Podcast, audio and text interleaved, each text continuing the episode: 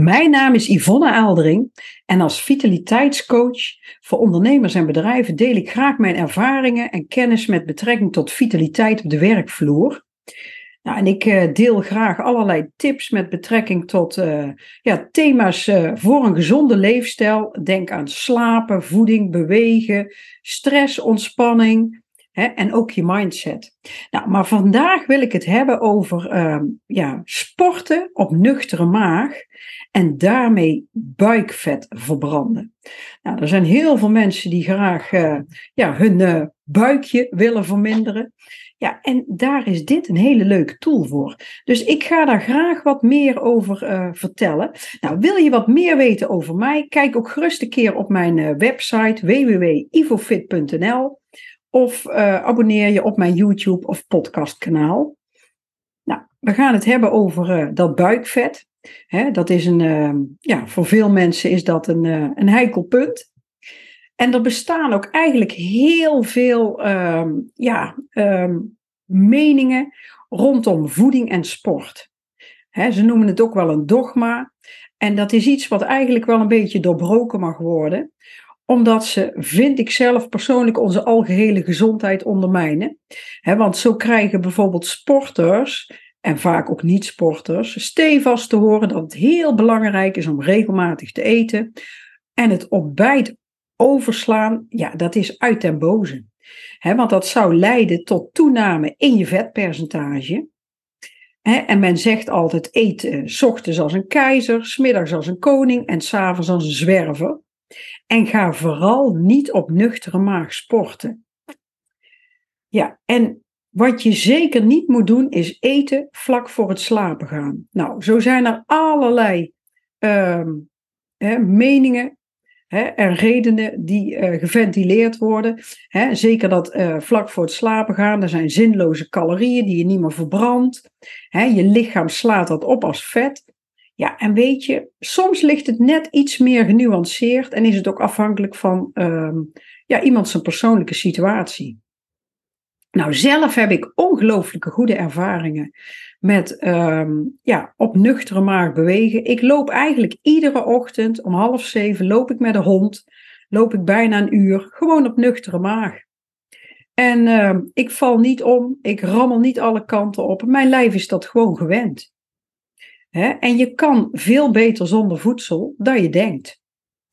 En weet je wat het is? Vroeger, um, de oerbewoners, die moesten soms dagen lopen voor voedsel. Die hadden gewoon niet altijd een goed gevulde koelkast bij de hand.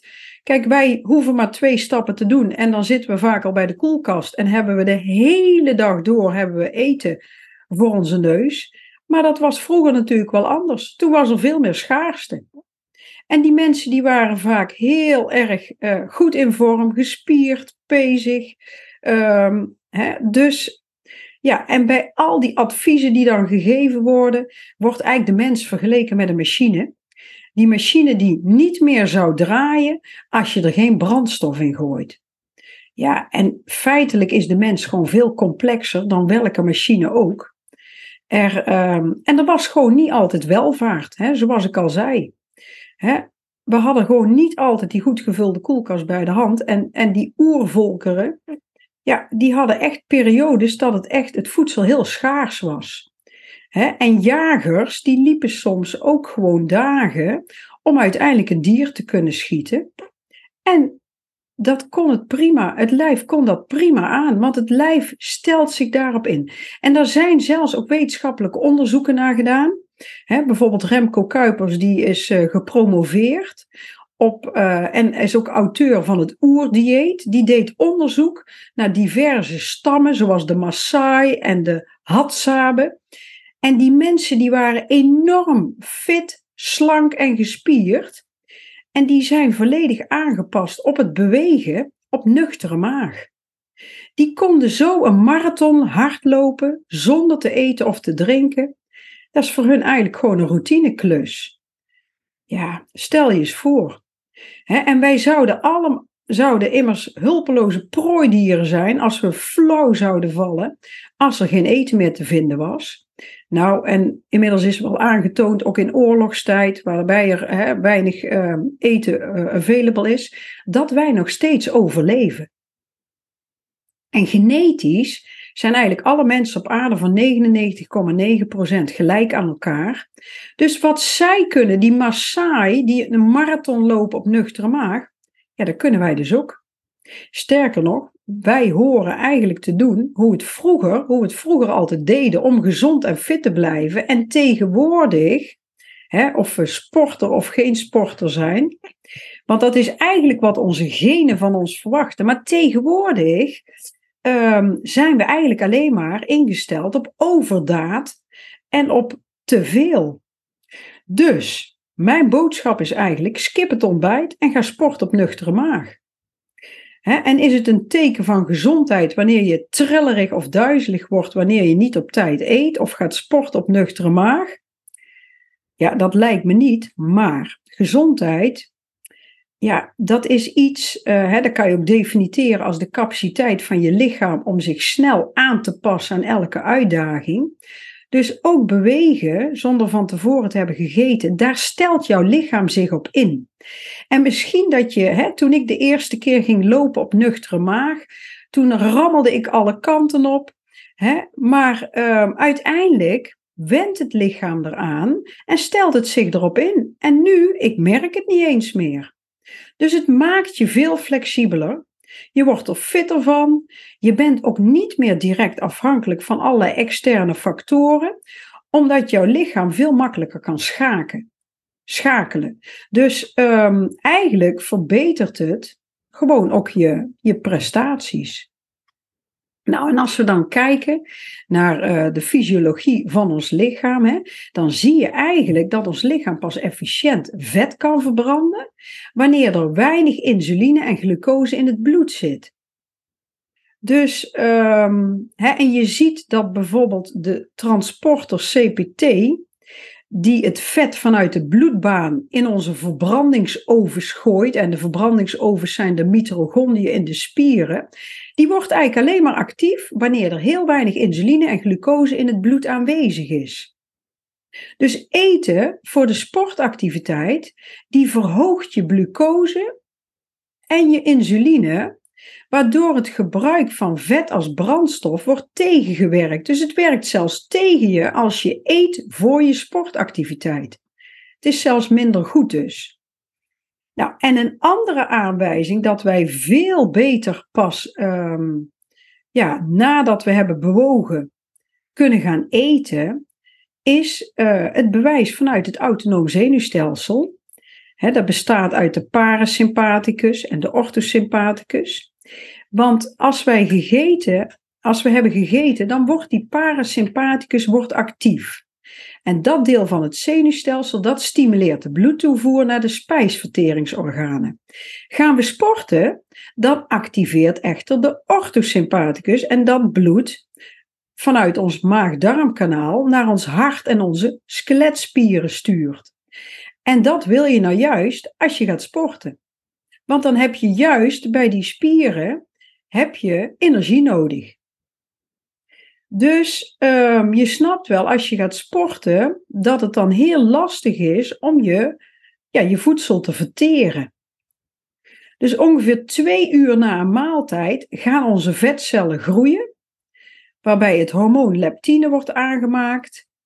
En um, dus het is veel beter, of in ieder geval, hè, dat is mijn advies, om niet korter dan twee uur voor het sporten een maaltijd te nuttigen. Dat is gewoon helemaal niet wijs. Want het lichaam draait daar veel minder goed op. Dus de voordelen van het overslaan van je ontbijt, die zijn er wel zeker. Want in de ochtend dan staan uh, onze hormonen, die staan toe dat we zonder gevulde koelkast, hè, dus zonder volle maag, op zoek kunnen naar voedsel. En in de, in de moderne tijd, we kunnen makkelijk werken of sporten zonder te hebben gegeten. En dat is de reden dat ik dus ook zo'n goede ervaringen heb met intermittent fasten. Want dan ga jij je ontbijt uitstellen, dan ga je later nemen, pas om 11 uur of om 12 uur. En dan ga je dus in eerste instantie op nuchtere maag, ga je toch al ja, van alles doen. Nou, en het hormoon dat ons wakker maakt, cortisol, dat zorgt namelijk voor het afbreken van vetcellen voor energie. En dat cortisolhormoon, dat is het hoogst in de ochtend als je opstaat. En in de loop van de dag neemt het in hoeveelheid af. En ook het groeihormoon is in de nacht en de ochtend het hoogste. En dat zorgt weer voor vetverbranding en spieropbouw. Dus een bijkomend voordeel is dat je bij het wakker worden een lage bloedglucose hebt en insuline. Maar dat is eigenlijk een ideale cocktail om vet te gaan verbranden. Dus hoezo? Je wordt dus dik als je in de ochtend niet eet. Nee, helemaal niet. Maar dat is iets wat de ontbijtgranenfabrikanten ons graag doen geloven. Want commercieel is natuurlijk veel aantrekkelijker als mensen al ochtends vroeg gaan eten en consumeren. Want ehm, ja, dan, ehm, dan wordt er meer verkocht. Dus dat is iets wat ze ons graag aanpraten, maar het lijf zelf draait er minder goed op. Nou, en als je nou gaat trainen met weinig suiker en glucose in je bloed, dan is de vraag: val je dan niet flauw? Nou, er zijn sommige lijven, hè, lichamen, die zijn verleerd om vet te verbranden omdat er altijd glucose en insuline aanwezig is. Sommige mensen eten de hele dag door, van morgens vroeg tot s avonds laat. Nou, en ken jij ze niet? Die sporters die ondanks dat uh, ze heel veel sporten, ondanks al hun inspanningen, toch last hebben van buikvet. Die toch te veel buikvet hebben. Kijk, je lichaam moet er uiteraard wel even aan wennen wanneer je voor het eerst he, op nuchtere maag gaat sporten.